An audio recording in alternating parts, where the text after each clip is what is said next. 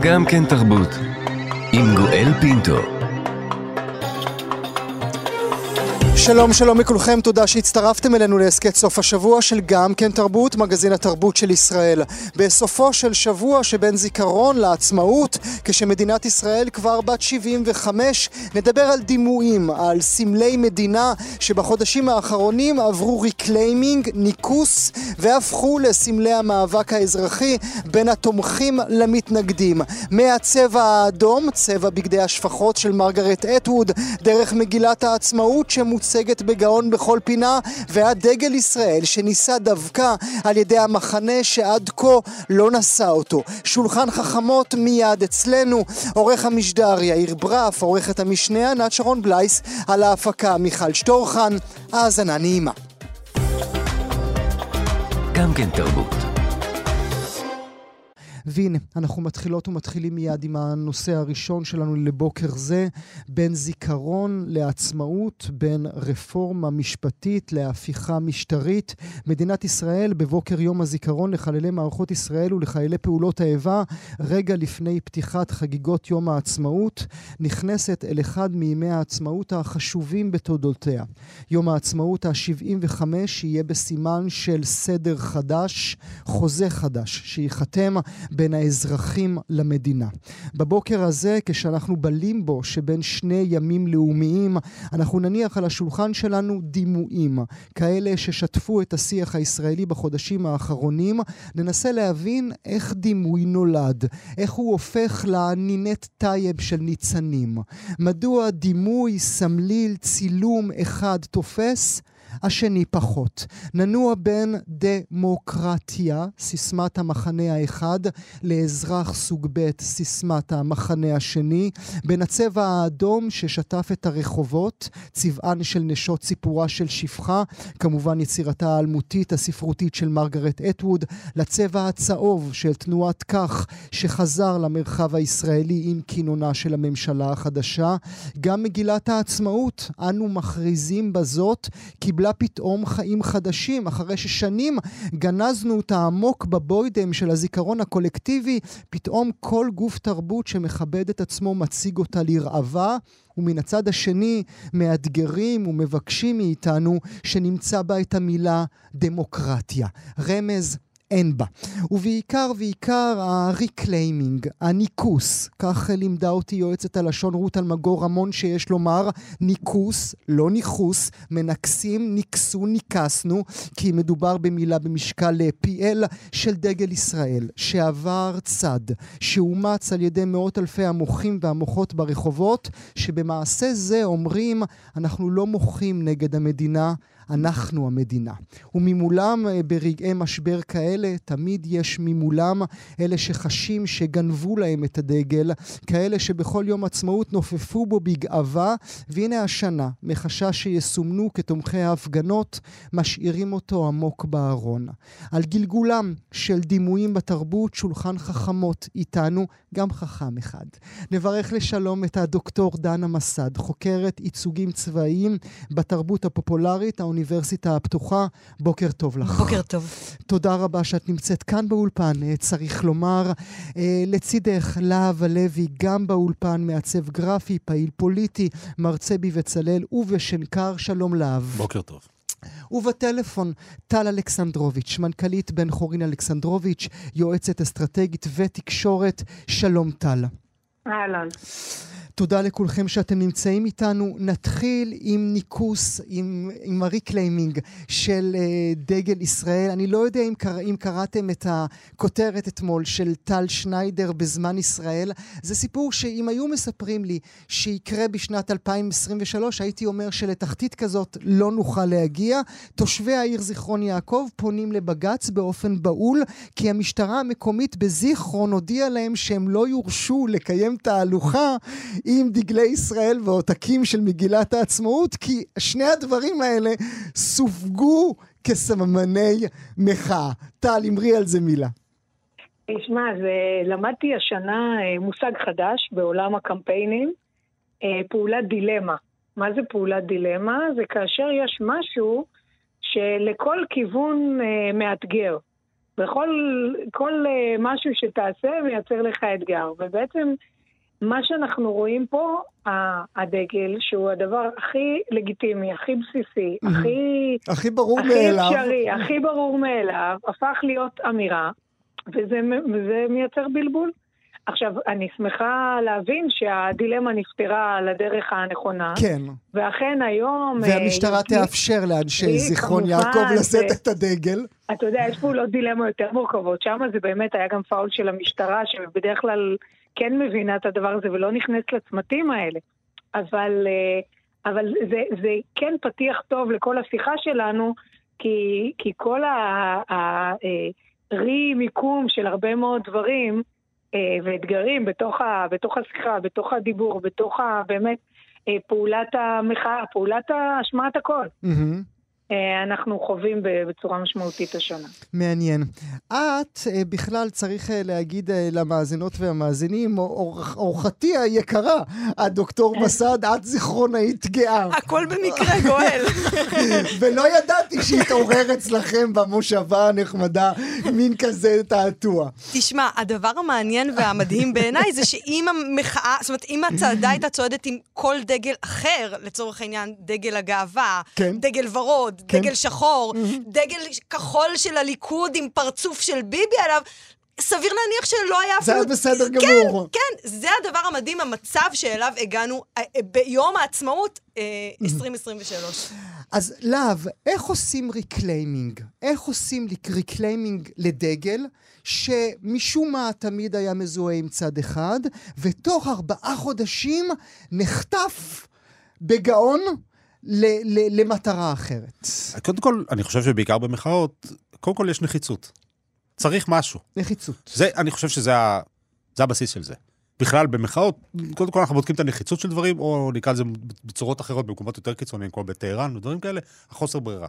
כשאין ברירה, mm-hmm. עכשיו, אפשר לכתוב שלטים כל היום וכל הלילה. כן. אפשר להמציא סלוגנים כל היום וכל כן. הלילה. יש עם זה בעיה כי זה אומר שיש זמן לעשות את הדברים האלה. אבל עוד רגע גם נגיד, נשים כוכבית ונגיד משהו על השלטים עוד מעט שלא תפסו. זאת אומרת, בניגוד לפעמים אחרות או להפגנות אחרות שהיה שלט, היה סלוגן, היה...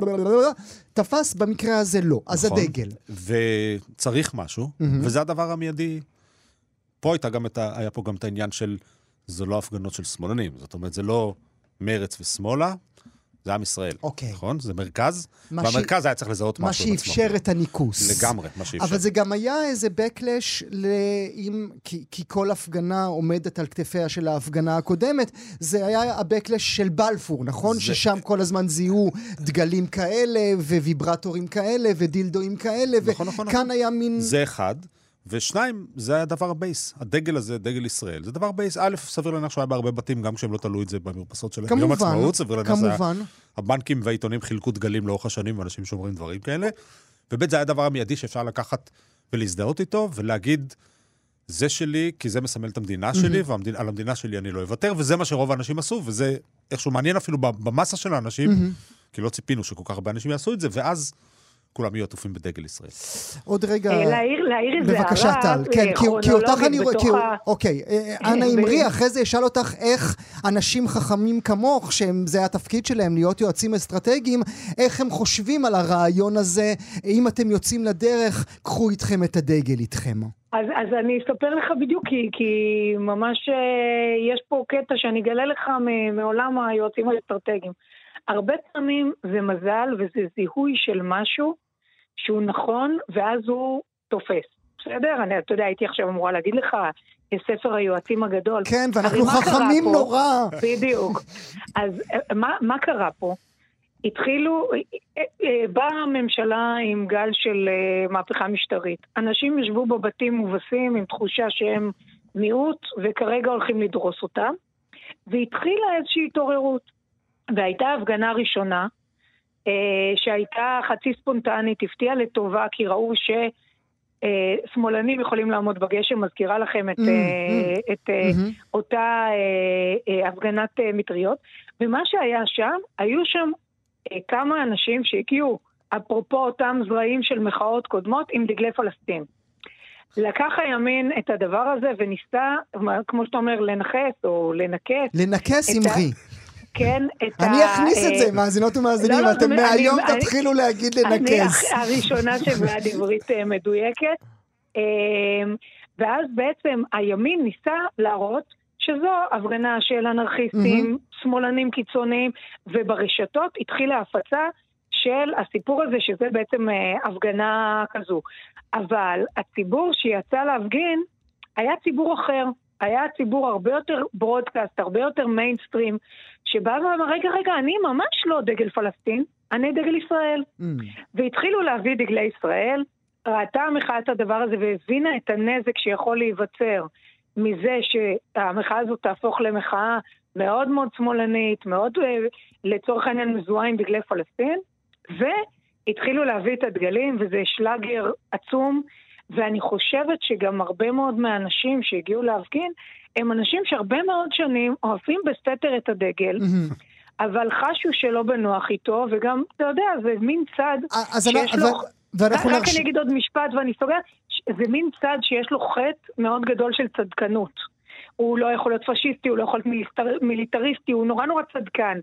ואז שנים היה אסור. להשתמש, ופתאום זה הפך להיות דבר שמותר, והייתה התפוצצות. Mm-hmm. את אומרת צדקן, ואני עוד רגע נדבר על העובדה שהדגל, נרצה או לא נרצה, בוודאי כאשר הוא שוטף ככה את הרחובות במסות הענקיות האלה, הוא עדיין מדיר אוכלוסיות מאוד גדולות, שלכן לא נמצאות, אינן חלק מה, מה, מההפגנות האלה. אוכלוסיות חרדיות לעיתים, אוכלוסיות ערביות לעיתים, אה, וזה משאיר את זה תחת, אה, תחת כותרת מאוד... מאוד, אה, מאוד מסוימת. אבל אני רוצה לדבר איתך ברשותך, דנה, על מוסד הדגל.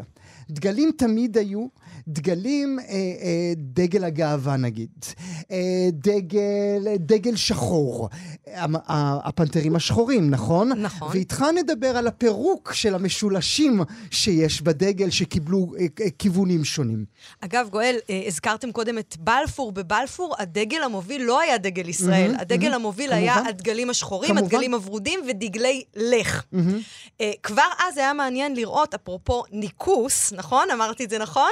Uh, כיצד uh, נוצרה לה מחאת הדגלים השחורים? אני צפיתי בזה בהתפעמות, uh, uh, ואיך לא הזכירו את הדגלים השחורים הראשונים, במרכאות, שהם הדגלים השחורים של מחאת הפנתרים השחורים של ראשית שנות ה-70.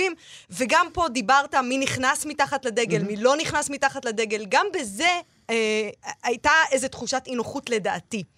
אה, אני חושבת, אה, בהקשר למה שנאמר פה, שבאמת יש פה איזו תחושה שהדגל הזה הוא באמת משהו שאפשר להיכנס אליו, וגם באמת, כמו שאמרת, להתחבר לפרקטיקות, להתחבר לתרגולים תרבותיים, שבאמת הרבה מאוד שנים לא, לא היה נעים לומר שנעים לנו איתם. כן. אה, אה, הרי פעם היו מצעדי, אה, מצעדי יום נכון. העצמאות, דגלנים, כן? היום זה כבר כמעט מוקצה מחמת מיאוס, הדבר הזה. ואנחנו רגילים לראות את הדגל ודגלנים ונשיאת דגל. אה, אגב, מעניין מאוד להסתכל, לעשות אולי איזשהו מחקר, על הצורה שבה אנשים נושאים את הדגל בהפגנות. זאת אומרת, כל מיני פוזיציות okay. אוקיי, של איך, okay. אוקיי. איך לוקחים את הדגל. ובאמת אנחנו רואים שהיום... Uh, הדגל הוא יותר לכולם, והוא לא רק שייך, שים לב, גם לעניין של האזרוח שלו. הוא כבר לא רק, אפרופו יום הזיכרון, mm-hmm. הוא לא רק הדגל בטקס, הוא דגל ברחוב. שזה באמת מהלך של reclaiming, uh, כן, מהספירה הצבאית הממוסדת mm-hmm. לרחוב האזרחי. אמור אה, ברשותך משהו להב על הפירוק שאנחנו עושים למשולש הזה. לי יש בבית דגל אה, גאווה, שעליו יש את, אה, את, את המשולש כמובן. הוא קיבל כל מיני צורות כל הזמן. את המשולש או שניים? שניים, אוקיי, שניים. Okay, אוקיי. okay. שניים, כן. הוא, הוא קיבל כל מיני צורות. מה אומרים כאשר מפרקים דגל? קודם כל, הנטייה שלנו, של הציבור הישראלי, זה קודם כל לפרק כל דבר. אנחנו עושים וריאציה על כל דבר, נכון?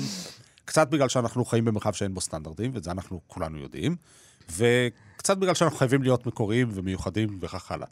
כמות, אם היינו יכולים לעשות עכשיו את, רק את הווריאציות שנעשו, של מין מלבן שנשארו לו שני הפסים, וקרו איתם מיליארד דברים באמצע במקום, במקום מגן דוד, היינו מוציאים ספר של אלף עמודים, אני בטוח כאילו שהיינו מוציאים ספר. הייתי קורא אותו. זה, מה, זה, זה, אין, אין, סוף אפשרויות, כאילו, זאת אומרת, כרגע בתערוכות בארץ, אני מתאר לעצמי שיש איזה 15 דגלים כאלה שונים, אני מכיר חלק, גם בירושלים וגם בתל אביב, אני מכיר תערוכות כאלה, ואני רואה בדימוי, בדמיון שלי את הדגלים האלה. זה אחלה ספר. אז זה קודם כל, זה הרצון להביע עמדה כלשהי, עם התפיסה הזאת שכולנו קופירייטרים, במובן הזה גם כן. הדבר החזותי, אני אקרא לו copywriting, mm-hmm. כי יש לי עכשיו איזה רעיון, אני אשים לב מדמם במקום המגן דוד, אני אשים את המגן דוד, אני אשים את הדגל על הרוחב, והמגן דוד שוקע, כאילו mm-hmm. אחד הפסים זה ים, mm-hmm. והוא עכשיו טובע. יש אין, אין סוף אפשרויות לעשות את הדברים האלה. והביטוי העצמי הוא דבר מאוד מאוד חשוב אצלנו במחאות באופן כללי. כאילו. אתה אומר, אמרת קודם, להב, אה, סטנדרטים. עכשיו, אני רוצה שתשמעו, מאזינות ומאזינים, עד כמה הסטנדרטים לא קיימים. אנא אמור לי, ברשותך, להב הלוי, מהו הצבע הכחול אה, של דגל ישראל? טוב, זה, זה, כן, זה... כשנכנסים לוויקיפדיה ומקלידים שם של דגל של כל מדינה, כן. יש לנו, לכל מדינה יש סטנדרטים. הנה, יש לי מחשב מולי. אני כותב אורוגוואי, תמשיך. תזכיר לי, זה שלושה פסים, שניים תכלת ואחד לבן באמצע. נכון, נכון. כאילו, נכון. מה יש באמצע?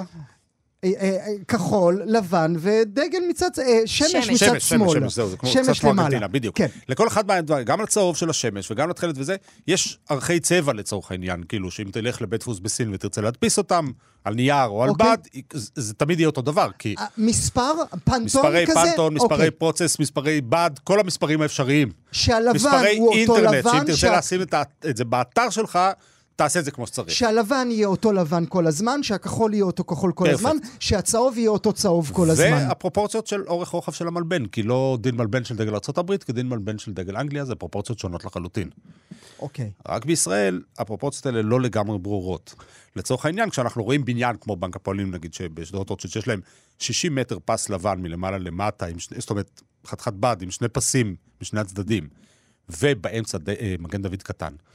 אמרו לנו שזה לא יכול לקרות. לא. בטורקיה כשנוסעים לאיסטנבול, יש שם איזה מין תורן כזה עם דגל של לדעתי איזה 60 מטר אורך על 40 מטר רוחב. כאילו, זה, זאת אומרת, הרוחב והגובה צריכים לגדול בפרופורציה, כי ככה זה בחיים. אנחנו לא יכולים לדמיין דגל ארה"ב על האמפייר סטייט, שיהיה בו את הפסים רצים לכל האורך. ולמעלה, למעלה, למעלה, בקצה יעמוד איזה מלבן קטן עם הכוכבים, כאילו לא זה... עובד. נכון, זה לא עובד, אבל כאילו. אבל תגיד משהו על הכחול. עכשיו... לנו אין סטנדרט של עכשיו, כחול? עכשיו, גם הצבע אצלנו לא באמת קיים הסטנדרט. יש איפשהו ברשומות את ה... את ה בתיאור מילולי ולא בתיאור מספרי את הדברים האלה. כשנכתב הדבר הזה, אז בניגוד לאיך שאנחנו לומדים ילד קטן, שלא אומרים כחול בהיר, כשילד קטן אומר, אני רוצה לצבוע את השמיים בכחול בהיר, אנחנו אומרים לו, קוראים לזה תכלת. המקום היחיד שמוגדר באופן רשמי הצבע של דגל ישראל, כתוב תכלת כהה. אבל אין דבר כזה תכלת כהה. וזה רק מאפשר לנו, משפטית אפילו, לפעול בתוך האין סטנדרט בצורה הכי אלגנטית שיכולה להיות. אחד הדברים המצערים בקשר לדבר הזה, שמה שקרה, וזה, אפשר להגיד שמי שניכס את צבע דגל ישראל יותר מכל אחד אחר זה ביל גייטס, זה שמאז שיש מחשבים, כשילד בכיתה ג' צריך לעשות עבודה ליום עצמאות, במו אצבע דגל ישראל, אם לא בכחול RGB שמסמנים איתו לינקים אוקיי. באינטרנט, וככה הכחול RGB, שהוא אחד הצבעים הכי מכוערים שיש על כדור הארץ, נהיה באופן טכני כמעט הצבע הרשמי של דגל ישראל. מבלי שאף אחד קבע. דה פקטו, כאילו מדהים. בשטח, זאת אומרת, כאילו, סין, זה, זה לגמרי. סין מקבלים מאיתנו אה, את הכחול הזה של, את הכחול הזה שמנית עכשיו. הסינים, אגב, כל המיליארד, אני בטוח שלעבוד מול ישראלים זה הדבר הכי מצחיק שיש ביניהם בעולם, כי בסין, בסין יש סטנדרטים לדברים, גם נמוכים וגם גבוהים. אבל הם עובדים לפי דרישה, ואנחנו, הדרישה שלנו מדהים. תמיד מעורפלת. את יודעת, טל אה, אומר לנו, להב מדבר איתנו על, הס, על הסטנדרטים. נדמה לי, ו- וזה כמובן כל אחד ודעתו, כל אחד והשכונה שלו, כל אחד והמקום בו הוא גר. יש את שיח, האם יש השנה פחות דגלים או יותר דגלים. התחושה שלי, טל, זה שיש פחות דגלים ברחובות, אבל כשכל דגל, וואחד מלמיליאן. כל, כל דגל יותר גדול מהראש של כולנו. תגידי מה את חושבת. תשמע, קשה לי לענות לך על זה מדעית. כמובן, אגב, זה כמובן. היה מאוד מעניין לשמוע את הסיפור של, ה, של הצבע. זה נשמע לי ממש שאנחנו עושים את זה בישראליות. כן, כמובן, זה, זה, זה, את צריכה לראות את הפנים של להב. כן. בדיוק, בקומפינוס שלנו, אבל איכשהו זה מסתדר בסוף, mm. ואנחנו אוהבים את הדגל. אה, אני לא יודעת להגיד לך אם יש יותר או פחות, אבל אני חושבת שיש פה תהליך מאוד מאוד חשוב, כי בסוף המחאה הזאת, גדלים עליה.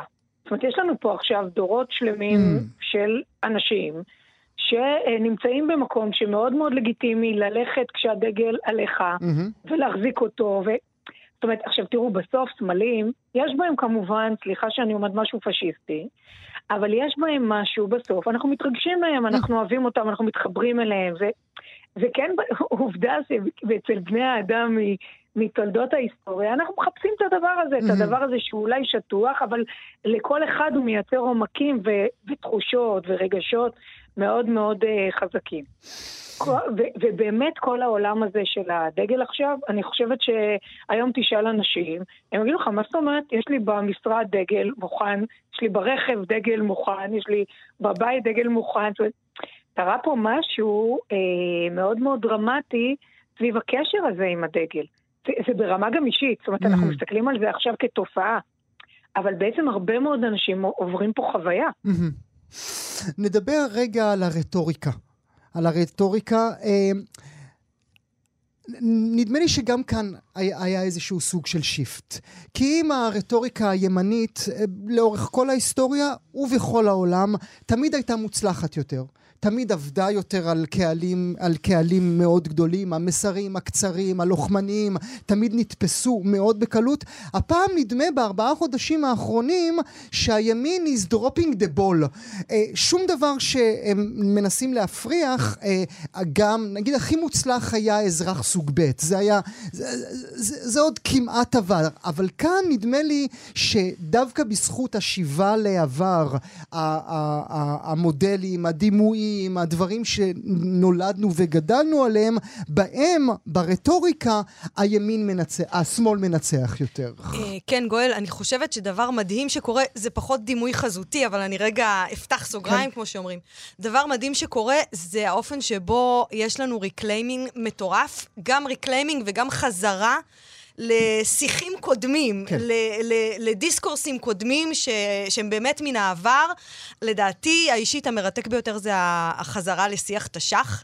Uh, פתאום, פתאום מדברים בז'רגון של מחתרות, פתאום מדברים בז'רגון של מלחמת עצמאות, פתאום מדברים, ו, uh, זאת אומרת, וזה בא לידי ביטוי... אנחנו בטוי... ראיינו פה בתוכנית את גילה אלמגור, נכון יאיר? זו הייתה גילה אלמגור שאמרה, אני הייתי בליל הכרזת זה... העצמאות, אני הייתי בין הרוקדות והרוקדים, זה מה שאני מרגישה. זה, זה, מה ש, זה מה שהיום אתה רואה גם בקבוצות הוואטסאפ של כל המחאות, מיליון ואחד הקבוצות, אתה רואה את זה בטוויטר, אתה רואה את זה בהמון המון מקומות, אתה רואה את זה, אתה שומע את זה. גנבו טנק מתש"ח, לא? כן, כן, רגע, ברור, לא, לא, הוא לא מתש"ח, הטנק הוא ביום כיפור. אוקיי. אתה שומע את זה בנאומים, והדבר בעיניי הכי מדהים, אפרופו המעבר, כן, אותו שיפט שדיברת עליו, זה האופן שבו פתאום אתה מתחיל לשמוע דברים שלא שמעת בספרות האלה בעבר, ואז פתאום, למשל, לוחמי חירות ישראל נהיה משהו שבקונצנזוס. משהו שבעבר סביר להניח שלא היית שומע אותו בהפגנות שמאל-מרכז, פתאום זה בכל הבמות, פתאום זה ב, אה, ברשתות החברתיות, פתאום אתה שומע את זה אל מול כל מיני מהלכים ואקטים של המחאה. בעיניי, תקדימי בכל צורה שהיא. כל הדברים האלה שאנחנו אומרים עכשיו לה, ועוד נאמר, הם כאן כדי להישאר, או ברגע שה...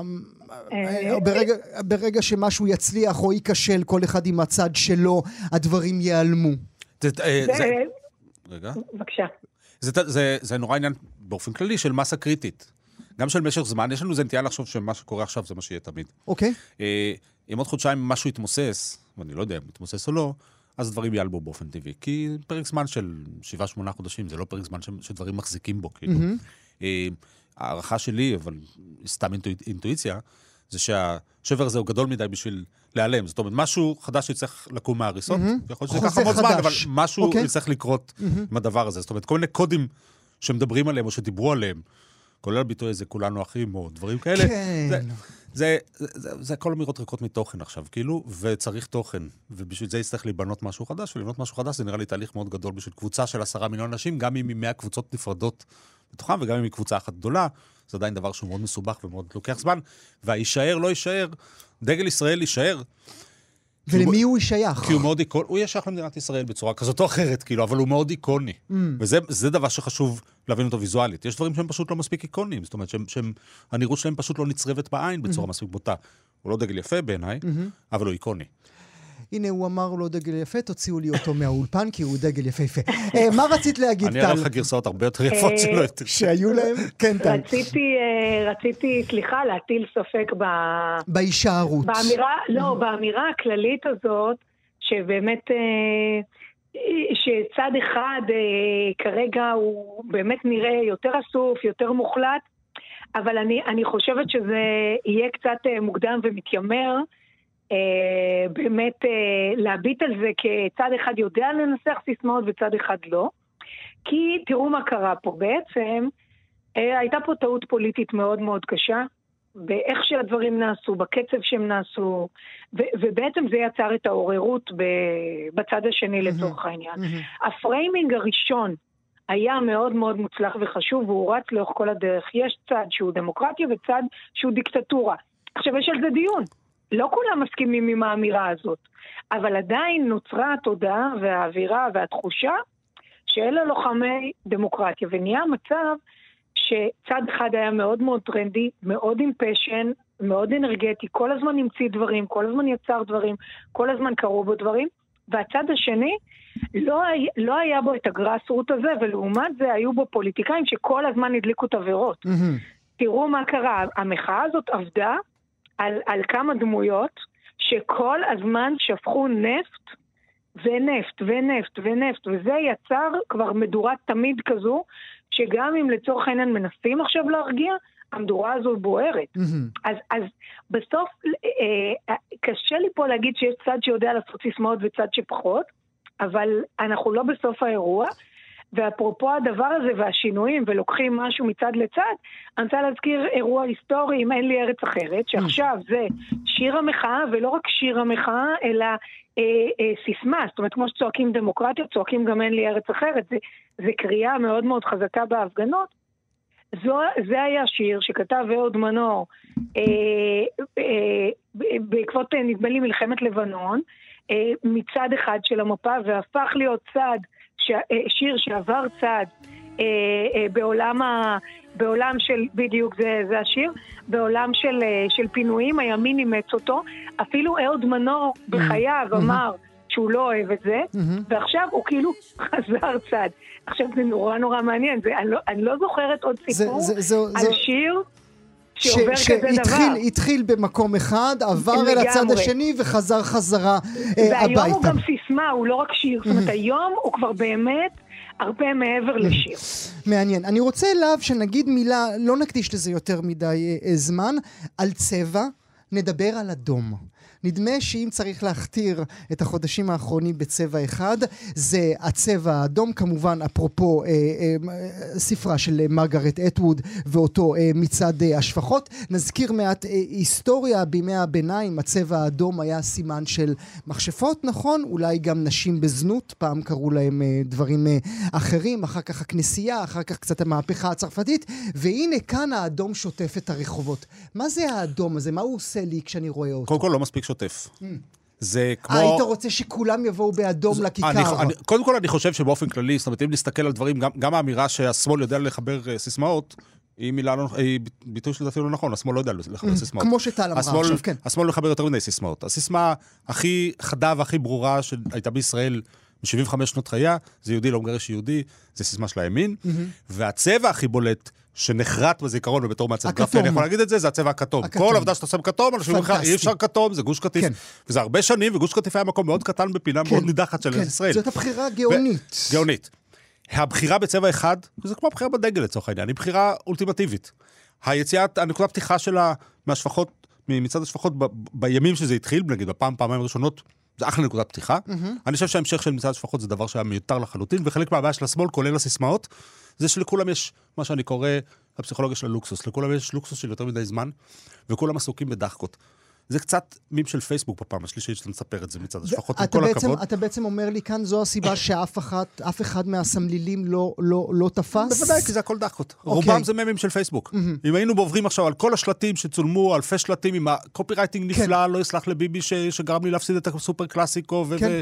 הכי טוב וזה... היה, אתם הורסים לנועה קירל. או, ב... זה, ב... היה, ב... זה היה פשוט פנטסטי. בדיוק, זה, זה, זה, זה, זה כל הדברים האלה. בסוף אתה אומר, רגע, מה הם רוצים להגיד? במקומות שבהם אין לוקסוס, שנסתכל על מחאות בסין, שנסתכל על מחאות בטהרן, איראן, על מלחמות לאורך ההיסטוריה... זה קו אחד. זה קו אחד, זה סיסמה אחת. הנשים האיראניות הולכות עם אישה, חיים, חירות, בכל השפות, בכל המקומות על כדור הארץ, אף איראנית לא יצאה מהבית עם כול חיג'אב ביג'י יומו. נגיד שיכול להיות אחלה סלוגן בשביל... זה... כול חיג'אב ביג'י יומו. אם, נכון, אם היה, אם היה לנו זמן, והיה לנו את הלוקסוס שיש לנו זמן לשבת, לחשוב, ולהמציא סיסמה.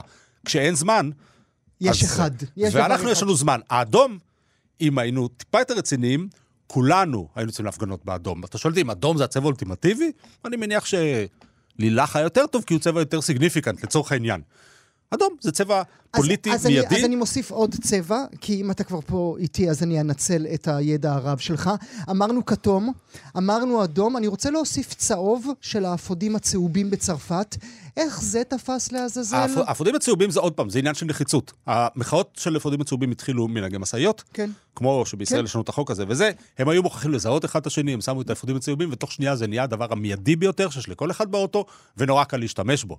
זה לא אותו צהוב. נחיצות. זה, זה מין צהוב זרחני כזה, כמו של מרקרים. נכון, נכון. זה לא אותו צהוב של, של הימין פה. Mm. הצהוב של הימין פה זה צהוב של פשיזם, זה צהוב שאם אנחנו רוצים לדמיין את הצהוב שחור... הצהוב החרד"לי כזה? אם אנחנו רוצים לדמיין את הצהוב שחור הזה, שמשתמשים בו אפילו בדגלים של הפמיליה נגיד, ודברים כאלה, תחשוב על הסמלים האלה של, של רדיואקטיביות, על כן. המין כמו שבשבת כזאת של שלושה כאלה באלכסונים של שחור וצהוב, זה זה, זה מאיים, זה מפחיד, זה כמו שעושים אבסטרקט של דבורה, שעושים את הדברים mm. האלה. זה מפחיד. הדבורה מאיה. הדבורה, כן, הדבורה מאיה פחות, פחות מפחידה, כאילו, אבל כשעושים אבסטרקט של שחור צהוב כזה, זה מאיים, כאילו. אני רוצה רגע שנדבר על אה, דימויים אה, שנחרטו ב-DNA של כולנו, הדוקטור אה, מסד, דנה מסד. אני כמובן מיד חושב על התמונה הזו, שאני מחזיק אותה ביד, אתם לא רואים אותי כי אנחנו ברדיו, אבל אני... אבל תגיד... לא צריך, גואל, רובנו זוכרים. אוקיי, זאת אומרת, אנחנו רואים חייל במלחמת ששת הימים, קוראים לו יוסי בן חנן, הוא בתוך מים, יפה בצורה...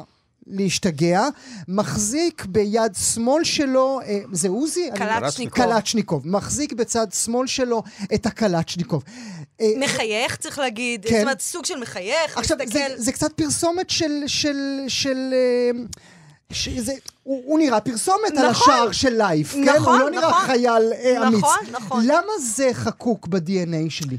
תראה, אני חושבת, כמובן, תמונה שצולמה ממש ב- ב- ב- ביום האחרון של אה, ששת הימים, החייל, החיילים נכנסו שם לתעלה. אה, אני חושבת שזו תמונה שמקפלת בתוכה את הכל. את האופוריה של ששת הימים, ש, שכבר ברגעים שבה הסתיימה המלחמה, מתחילים לבנות אותה, חזותית, מבחינת זיכרון אה, קולקטיבי, אבל בעיניי מה שמדהים זה שזאת תמונה שגם בעצם מתרימה לנו מה קורה אחר כך, ואת האופן שבו התמונות האלה, התמונה הזאת, כמו שאמרת, שאותה זוכרים, שאותה מקדמים, שאותה מטפחים, מה היא לא מספרת לנו, mm. מה, איזה, איזה דימויים היא בעצם משתיקה, היא בעצם מסתירה. ובעצם זאת התמונה של ההגעה לתעלה. Mm. אה, ובמשך שנים, במשך שנים עד בעצם יום כיפור, ואפשר אגב, אתה יודע, היום אנחנו בערב אה, אה, יום העצמאות ה-75. אה, אני עוד לא בדקתי את העיתונים היום, אבל אתה יודע, במספרים עגולים או סימבוליים, תמיד היו יוצאים בעיתונים, אה, אתה יודע, כאלה כרכים מיוחדים, אה, כן, כן. 70 כן, שנה, 60 כן. שנה, 50 שנה בתמונות, זה תמיד מופיע. Uh, מה שהיא לא מראה זה כמובן את היום השביעי של ששת הימים, וזה מלחמת ההתשה, mm-hmm. שרק uh, uh, עשרות שנים אחר כך בעצם משרד הביטחון גם הכיר בה את מלחמת ההתשה שהתחילה באמת בבוקר של למחרת ששת הימים. ובעצם הדימוי הזה מאפיל על כל דימוי אחר. אה, אם תנסה לדמיין או תשאל אנשים ש... כי כך, נדמה לי, כשאני מסתכל על זה... כי כך רצינו לזכור את המערכה הזאת. נדמה לי אולי קומה נוספת, זה לא רק ככה אנחנו רצינו, אלא כך גם העולם רצה לראות אותנו. כן. החתיכים, כן, היפים כן, האלה, כן. השמחים. ובואו לא ניתן לשום... היהודי החדש. כן. זה, זה מה שכתוב פה, אגב, זה יותר... כן, כן. התמונה כולנו מכירים, בחיים לא ידעתי שזה הטקסט על ה... כן, כן. Israeli soldier cools off in the Swiss כן, כן, כן. הוא משובב את נפשו עכשיו במים, כאילו, זה... זה מה יותר נחמד מזה? כאילו קפץ... קולס עם ספר. כן, כן, כן. הוא בבריכת אלפיים, חולון אלפיים. ממש, ממש. אני עכשיו גם רואה פתאום את האבזם של ה... יש לו ריצ'רץ' פה, אני, איזה מין מדהים זה, אני רוצה לדעת, פתאום הריצ'רץ' הזה, זה קצת חשוב בעיניי. תשמע, בעיניי הדבר המעניין הוא באמת שזה בעצם מסתיר כל, זה, זה, זה עושה בלוק לכל דימוי אחר. וזה התפרסם בלייף, אבל זה, אה, דיברנו על ניקוסים, כן? זה לגמרי התקבע כחלק מהדימויים החזותיים הישראלים, אה, ו, וזה לא מאפשר באמת, מה שנקרא, לא ניתן לשום דבר לקלקל. אנחנו נהיה בקאנטרי קלאב, בקאנטרי קלאב של התעלה. ולא ניתן לשום דבר לקלקל לנו. ואגב, הכי משה דיין עם שתי עיניים הדבר הזה. הכי משה דיין. משה דיין עם שתי עיניים, ממש. כאילו. במראה שלו. כן. אני רוצה לקחת אותך לעוד תמונה שאני אה, חושב שהיא הפכה אה, לזיכרון, אולי בעיקר במובן הזה של אה, תחילת הסוף של מנחם בגין. וזה כשהוא עומד, 1982, שישי נכון? שישי ביוני 82. הוא עומד עם שר הביטחון שלו, אריאל שרון, גם הוא זכרו לברכה, הם עומדים בבופור. הם מגיעים אה, בבוקר למחרת הקרב הקשה בבופור, שלימים גם אה, היו עליו, אתה יודע, כל מיני תחקירים, מחקרים היסטוריים שונים, צבאיים. שרון ו... נראה מרוצה לגמרי. שרון מביא את בגין ל- ל- להר, מנחית אותו. הוא בלב הפריים, נכון? כן, כן, כן, הוא בלב הפריים, ואגב, חשוב להגיד, אנחנו מסתכלים על דימוי, אבל זה קטע, זה footage. Mm-hmm. שכל כתבה שעוסקת בבגין slash שרון, אה, ש, אה, אה, מלחמת לבנון, slash של"ג, ה footage הזה נמצא.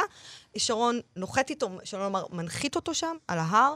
וכנראה תודרך בגין קצת בצורה שונה mm-hmm. במסוק, והוא אומר לו, בוא, תפגוש חייל, שזה עתה חזר מהקרב, mm-hmm. מליל הקרב על הבופור. בגין מתפעט ואומר, יש פה אוויר פסגות, כן? כאילו, כן. ו- ושואל אותו אה, את המשפט שהפך באמת למשפט איקוני. מכונות הירייה. היו להם מכונות ירייה. כן. כן. אה, כשכולם מבינים שזה כן, הניתוק, כן? כן, זה, הניתוק. זה, זה הרגע שבו אנחנו כבר מבינים שראש הממשלה לא איתנו. לא הפסיק להיות לא בגין ונהיה סבא מנחם קצת. כן. לא, לא הוא, הוא, כנראה, הוא כנראה, אתה יודע, איפשהו בזיכרון שלו, של ימי המחתרות אולי, אני לא יודעת. אה, ובאמת הופך לצילום, אה, לפוטג' איקוני של באמת אה, מלחמת... מה אנחנו, מה אנחנו יודעים על החייל מצד שמאל? מותר לי, גואל? החייל הוא בן דוד שלי, סרן תמיר מסד, חייל, קצין בסיירת גולני. Uh, שאיבד חברים קרובים ממש, שוב, זה, זה, זה, זה, זה, זה ברגעים ממש בבוקר למחרת, הקרב היה בלילה. Uh, לימים אה, באינתיפאדה השנייה, אה, נהרג בפיגוע בכניסה לאריאל בעת שירות מילואים. הסתער על מחבל שהתקרב לקבוצת חיילים. אה, עשרים שנים אחרי כן, שהצילום הזה... כן, כן, כן, כן. אז כמובן ביום הזה נחמה רבה לך ולמשפחה שלך. יצא לך אי פעם לשוחח איתו על, הרגע הזה, לא, על התמונה לא, הזאת? לא, מכיוון שתמיר היה... הבן דוד הגדול שלי, אנחנו הרבה okay. בני אוקיי. דודים, הוא הכי גדול, אני איפשהו באמצע מבחינת הזה. מעניין. כן. אז הנה, יש לך, יש לך, יש לך חלק בתמונה איקונית, או לפחות למשפחה שלך יש חלק בתמונה האיקונית הזו. Uh, טל, אני רוצה לדבר איתך על מגילת העצמאות. לא הייתי מאמין שאני אדבר ב-2023 על מגילת העצמאות. נזכרנו שיש לנו אחת כזו. לא רק זו, אלא, לא רק זה, אלא גם שמבקשים מאיתנו, דורשים מאיתנו לפשפש בנוסח שלה מה נכתב בה ומה אה, לא, לא נכתב בה. זה תפס בעינייך או שזה מין אה, בדיחה?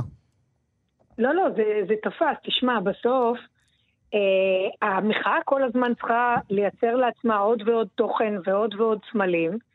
מגילת העצמאות אה. זה לא, רק, זה לא רק סמל, זה סמל שהוא מלא ערכים. יש בו המון תוכן. הוא חומר קריאה, אתה יודע, הוא, לא רוצה להגיד תנכי כי אני לא, לא מתיימרת, אבל הוא, הוא הכי עמוק והכי משמעותי שיש לנו. ואז הקריאה בו, והשנייה בו, והערעור בו, וה, והעיסוק בו, הם כאלה. זאת אומרת, הוא הופך להיות מין אה, ספר חדש ב, בדברי הימים, כן? Mm-hmm. אה, וזה נקודה אחת. נקודה שנייה שיש, שוב, יש כל הזמן טענה, טענת העגלה הריקה. כן. ו- ובסוף, אני חושבת שאחד מהדברים המעניינים שקרו פה, שהצד המוחה בא ואמר, רגע, אני לא עגלה ריקה. יש לי המון ערכים, יש לי מה להגיד. אני, הערך הקודם שייצג את החבורה הזאת היה רק לא ביבי, זה לא ערך. Mm-hmm. זה לא אמירה פרודוקטיבית. מגילת העצמאות והדברים שכתובים בה הם דברים פרודוקטיביים, הם באמת דברים שניתן להילחם עליהם, לקדם אותם, אה, להישבע להם, אה, לייצר אה, דינמיקה בהקשר שלהם. ולכן מגילת העצמאות היא מאוד מאוד חשובה, והיא כן מייצרת איזושהי שפה משותפת על מה, על מה אנחנו נלחמים. עוד נקודה, תראו, בסוף, קלקלו את החגיגה, אנחנו ב-75 שנות מדינה כן, מפוארת. כן. כמה פה מדינה מפוארת? עכשיו, תשימו לב, אין בכלל שיחה על 75 שנות. הכל זה כן מחאה, לא מחאה, מה יקרה בבתי העלמין, אה, מי מחובר. גם הדגלים, העיסוק בהם הוא אפרופו מחאה. זאת אומרת, אני, אני מזכירה לכולנו, אתם זוכרים, בטח גואל היית עושה תוכניות מיוחדות, אתה זוכר, ב, בשנת היובל היה דיון עצום על, ה, על פעמוני היובל. כמה את חושבת שאני כשאת אומרת לי פעמוני היובל? אני רק זוכר את אוהד נהרין, התחתונים, אחד מי יודע, ועופרה חזה שגנבה לשולי נתן את השיר. אבל על זה אני מדברת, כי כשהיה פעמוני היובל, היה אירוע ענק, שכל המדינה התעסקה בו, ודנו באיך יופיעו רקדני בת שבע. כן. אבל היה אירוע שהוא פעמוני היובל, תחשבו, 75 שנות, אין פה שום חגיגה, לא. אין פה שום דבר ומה שנקבל ש, זה הקלטה, רוח... מה שנקבל בסוף זה את ההקלטה של החזרה הגנרלית. אה, אולי. אולי. אבל אה, אנחנו בתוך איזה אירוע שכל כולו חמוץ. Mm. ואנחנו ב-75 שנות מדינה מפוארת. ולכן יש גם איזושהי הליכה לעבר. מעניין. כי אנחנו מרגישים חמוצים כלפי עצמנו. בבקשה. אפשר, גואל, שתי mm. הערות קטנות לגבי מגילת העצמאות. Mm. Uh, מגילת העצמאות, בניגוד לכל מה שדיברנו עד עכשיו, הוא באמת לא, היה נוכ... לא הייתה נוכחת תרבותית. ניסיון למקם אותה, למצב אותה כמו הדגל, קרה בסוף השבוע הקודם, כאשר חולקה מגילת העצמאות עם עיתוני סוף השבוע. אני לא יודעת אם נתקלתם בעותק קלף המהודר הזה. אתם זוכרים שבשנים עברו חילקו דגלים? כן. השנה חילקו את מגילת העצמאות. ורק אה, עוד הערה קטנה ממה שקרה מעולמות התוכן שלי, המקום היחידי, אני חושבת, שבו מגילת העצמאות כן מופיעה תרבותית, זה, אפרופו פעמוני היובל, בסדרת הדגל המונומנטלית של אז, הערוץ הראשון, אה, תקומה שנוצרה אה, ושודרה בשנת החמישים, ובפתיח שלה, הפתיח החוזר, מופיע, הפתיח מבוסס גרפית. על אה, חלקים מתוך מגילת העצמאות, שזה דבר מאוד מאוד מעניין אה, לחשוב למה דווקא אז, ובאמת, למה חוץ מזה היא לא מופיעה mm. בשום מקום. בא לי לשאול אותך, להב, איך היית מעצב את מגילת העצמאות, באיזה פונט? כי הוא בלתי קריא. אני הייתי מעצב את דגל ישראל, לא זה אחלה. הוא חייב, הוא פשוט דורש את זה. אני כן. חייב לחזור, זה אחלה. אה, אה, הכתב אולי קצת בלתי קריא, אבל שוב, כאייקון, mm. זה אחלה מסמך, זה חוזה עבודה הרי. בסך mm. הכל, זה חוזה, נכון? יש שם כן. תנאי העסקה של מדינה, בוא נקרא לזה בצורה כזאת או אחרת. זה נראה טוב. זה מפולפל מדי. זה, אז זה כבר עניין למשפטנים. Mm. אני מניח שיש סיבה טובה מאוד כן. למה זה מפולפל, כי הנה אף, אחד, כי הנה אף אחד לא יכול כן. בדיוק להגיד מה כתוב שם, ו...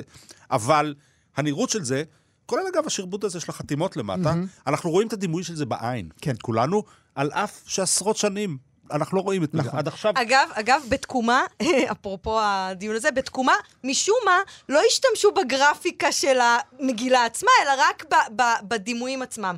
ואם לחזור, היום בהפגנות שונות אתה כן רואה למשל דגל עצמאות עם המגילה עליה. עכשיו, כן. בגלל זה זה חזר, וזה, וזה, וזה דבר מאוד מרשים. זה אומנם גם הנחיל לתוך כל העניין הזה של תנועות נוער, את הלכתוב דברים על קלף, שזה mm-hmm. קצת בעיה ויזואלית בעיניי, אבל לא חשוב, כאילו, באמת זה, זה באמת משהו שנראה בסך הכל שלו ככתם. הוא נראה טוב. אם הוא לא קריא, יש פה בעיה שאחרת לגמרי. אתם יודעים על מה בא לי לדבר עכשיו לסיום השיחה שלנו? נדבר האם אנחנו אחים או לא אחים. טל, את אחותי? האם טל איתנו? איתך, איתך, זו שאלה טובה, אתה יודע, ברור שאחותך, זו שאלה שאי אפשר לענות עליה הפוך, בלי קשר למערכת יחסים בינך לביני, אבל כן, יש פה שאלה, שאלה משמעותית של מי אנחנו, מה אנחנו, מה מאחד, מה לא מאחד. כאשר אני חושבת... כי זה חזר כחוט השני כן, לאורך כן, עכשיו... כל החודשים האחרונים. נכון, מה ש... אנחנו פה האחד בשביל השנייה? נכון, ו- ויש לך מצד אחד ואני אומרת לך עכשיו כאילו כמידע אה, בדוק, בקבוצות מיקוד למשל, אחד החששות הכי גדולים זה באמת ממלחמת אחים, מקרע אחים. אנשים מדברים על זה, זה מטריד אותנו, אנשים לא ישנים בלילה מהדאגה הזו שיפרדו בינינו, שהאויב מרוצה. זאת אומרת, יש פה לגמרי את החשש הזה מצד אחד. ו- וקצת אנחנו יכולים לראות שכן נוצרו אחים מאוד מאוד משמעותיים בצדדים. זאת אומרת, בכל הצד הזה של המאבק והמחאה, שאגב, הוא יותר מגוון ממה, ש... mm-hmm. שחושבים. ממה שאומרים. אנחנו רואים את ירושלים ובאר שבע על... ותל אביב, נכון. הם נראים אנשים ונשים נוצר, שונים נוצרו לגמרי. שם, נוצרו שם, אה, כן, נוצר שם קטע של אחים מחודשים. אנחנו למשל, החברה שלי מלווים בהתנדבות, אני אגיד, את אחים לנשק. Mm-hmm. אז, אז זה הפך להיות מותג מאוד מאוד חזק. זה, זה אחד מה, מהמקומות, ושם נוצר משהו. ואפרופו מה שדיברנו על הצבע האדום מקודם, יש גם אחיות לנשק. ויש היום גם את, את, את הדימוי הזה. אז, אז אני, יהיה לי קשה להוציא מפי את המילים שאני יודעת שאנשים עכשיו אומרים, אנחנו לא באמת אחים, אני. לא יכולה להגיד את זה, mm. זה סותר את כל ישותי, זה עושה לי לא טוב בגוף. Uh, אני כן רוצה להגיד במין איזה סגירה, שמצד אחד אנחנו מפורקים ומפורדים וכעוסים וכואבים בצורה שאני לא חושבת שאי פעם היינו. Mm-hmm. מצד שני כן גילינו בנו איזה כוחות, איזה משהו של כמה אכפת לנו מהמקום הזה. Mm-hmm. זאת אומרת, איזו אנרגיה מטורפת יש כזו. לי תחושה, יש לי תחושה, טל, שאת יותר מדי ממלכתית בשביל להב. אה, אה, אה, אני רואה את החיוך הגדול שלו כאן עכשיו עם העיניים היפות, כן. מסתכל עליי. תגיד, כל האחים הזה... אני חושב, קודם כל בוא נראה מי משתמש בביטוי כולנו אחים. אני חושב שהוא נזרק מבית הנשיא וימינה, כדי לדחוק את אנשי המחאה, נקרא לזה, את המרכז-שמאל, לפינה כי הוא אומר, מה פתאום, אנחנו לא אחים, כאילו. אה, אה, לא שמעתי מישהו מימין-ימין אומר, אנחנו לא אחים, mm-hmm. כאילו, נכון? ואז זה כאילו מאלץ אותנו שוב לחזור לעמדה של המתבדלים שהם לא אחים. זה לא שאלה כולנו אחים, זה ביטוי נבוב קצת. זה, זה, זה, זה, זה כמו לשמור על קדושת היום הזה, זה כמו הדיון הזה עכשיו על, על, כן. על, על שרים בבתי הקברות. זה קצת נבוב, המאמץ להכניס איזשהו משהו כזה, כדי לייצר עוד איזשהו משהו. אם כולנו אחים, אל תזכירו את זה כל כך הרבה פעמים, כדי לא לאלץ אף אחד לייצר עוד יותר פיצול בתוך הדברים האלה. בואו ניתן למציאות להוכיח שכולנו אחים או לא, כאילו. למד אותנו מה אמר אה, לואיס פרחן. אה, אה בדיוק בהקשר הזה, שהוא אמר שהבעיה שלו עם, עם הליברל האמריקאי הלבן, זה כשהאמריקאי הלבן אומר, מתחת לאור כולנו אותו דבר, אז הוא בעצם מתכוון שכולנו לבנים מתחת לאור, ולואיס פרחן אמר, אני, יש לי חדשות בשבילכם, אני שחור גם מבפנים, ואת הדברים האלה צריך לזכור. אנחנו צריכים לחייך אחד על השני על אף ההבדלים בינינו, לא לנסות להתנהג כאילו לא קיימים הבדלים בינינו. דנה, את תהיי באמצע? כן, אני כן? חושבת, כן, כן. אה, לא, זה מזכיר, אני רק רציתי להגיד שזה בהחלט קושר וסוגר את הדיון שאיתו התחלנו, של, של הדגל, כי גם אז אמרת, הדגל, גם, גם לא יש מי ש... קבוצות שמוצאות ממנו, mm-hmm. וצריך לקחת את זה בחשבון. זאת אומרת, זה דבר שצריך להיות מודעים אליו, ואני לגמרי איפשהו באמצע. אני רוצה, טל, לסיום, אה, שנשמע, אני לא יודע אם שמעת את זה כבר, אה, ביצוע אה, חדש ויפהפה של אלין גולן לנסיך הקטן. זה גם מתאים ליום הזה בו אנחנו מדברים, זה גם מתאים למותו של יונתן גפן שהובא למנוחות אח ביום שישי האחרון בנהלל, ואשאל אותך, למה דווקא הנסיך הקטן בעינייך? אתה משמיע שנהנה גם. תשמע, כל עולם השירי אבל, זיכרון, אה, הם, הם קורה איתם שני דברים. אחד, זה באמת, זה השפה שלנו, זה מין, כן, איזה מכנה משותף, סטייל הדגל, אה, מגילת העצמאות, מין כן איזה משהו שכולנו שומעים מגיל אפס, כל שנה בטקסים הם נמצאים. הנסיך הקטן הוא לגמרי חלק מפרוטוקול הטקס. הוא שיר שבלי קשר לשנה הזו שיונתן גפן אה, נפטר, הוא, הוא לגמרי להיט טקסים ונשמע כל שנה. מה קרה השנה? אנחנו, בגלל כל ההתחדדות הזאת ובגלל כל העולם הזה שכן יש חיפוש ערך וכן דיון על דברים שהם קצת יותר עמוקים, אני חושבת שאנחנו מקשיבים לשירים מחדש. Mm. השיר הזה מקבל קשב חדש. אנחנו קוראים אותם מחדש. בדיוק. Mm-hmm. שיר כמו ארץ ארץ. אנשים בוכים, אתה יודע, כאילו כבר לא... מקום לדאגה, טל. בטח. מה קורה עם השירים האלה? חיטה צומחת שוב. אנחנו כבר לא שומעים, אנחנו, אנחנו כבר שמענו אותם כל כך הרבה פעמים, שלא הקשבנו. תגיד, מה קרה לתקווה? תראה איך אנשים שרים התקווה במלוא גרון ובכוונה מלאה. ובוכים, בוכים על החיים שלהם. כי בסוף, בשירים יש כן את הדבר הזה ש, שמאחד, ותראה גם מה קרה עם הנסיך הקטן. התאחדו שני דברים, השיר הזה והדימוי הזה, יחד עם הדימוי של המחאה, הרי דיברנו על תמונות המחאה, mm-hmm. מה עם תמונות המחאה? יש איילון סגור, דימוי אחד, יש שקמה עם הדגל, דימוי שני, ויש כל שבוע את התמונה מלמעלה שכולם סופרים, יש יותר אנשים, פחות אנשים, עם איזשהו דגל ששוטף את הקהל מלמעלה, והוא, והוא דימוי כללי. בשבוע האחרון זה היה הנסיך הקטן, שוב, של אחים לנשק. בעניין הזה יש לנו פה דימוי על דימוי על דימוי, שפה בין דימויים. זה דברים שבאמת עוררות שהיא אה, גם אה, ערכית, אבל גם קריאטיבית, גם אה, שפתית, גם חזותית, שבאמת הרבה מאוד זמן לא, לא חווינו דבר כזה. בבקשה, תגיד, תגיד מילה להב. אני רק מציע שני דברים. אחד, לחזור לספר של יונתן גפן, פחות אבל כואב, ולקרוא את השיר הנסיך הגדול, mm. שנכתב 20 שנה מאוחר יותר. ואתמול בטקסט זיכרון הראו צילום של יונתן גפן מלפני שבועיים, מדקלם אה, את הטקסט שלו על, ה, לא, על היונה. אה. היונה הלבנה כבר זקנה, על זה שהשלום כבר נגמר, וזה היה מאוד מעניין לראות אותו. ממש אה, הקלטה, צילום מלפני שבועיים. אני רוצה להודות לכם עד מאוד על השיחה המעניינת הזו, על השולחן המעניין הזה. חג עצמאות שמח. חג עצמאות שמח. הדוקטור אה, דנה מסד, להב הלוי, חג עצמאות שמח. טל אלכסנדרוביץ', תודה לך שהיית איתנו. תודה רבה.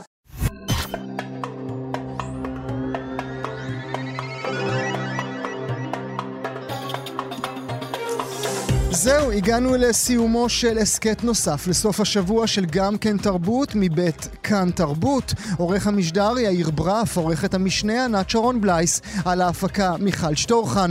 תודה שהייתם איתנו. עד הפעם הבאה, להתראות.